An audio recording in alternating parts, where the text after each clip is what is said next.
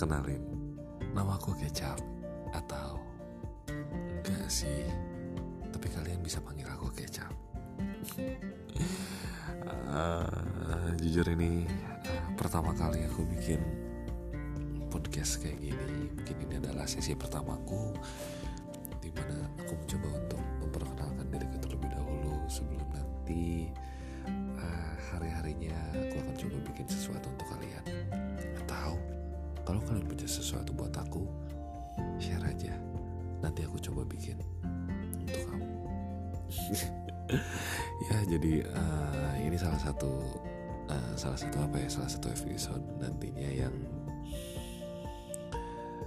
nggak terlalu aku anggap serius sebenarnya karena buat mengisi hari-hari aja sebenarnya dan juga kalau lagi mood aku share sama kalian pada intinya.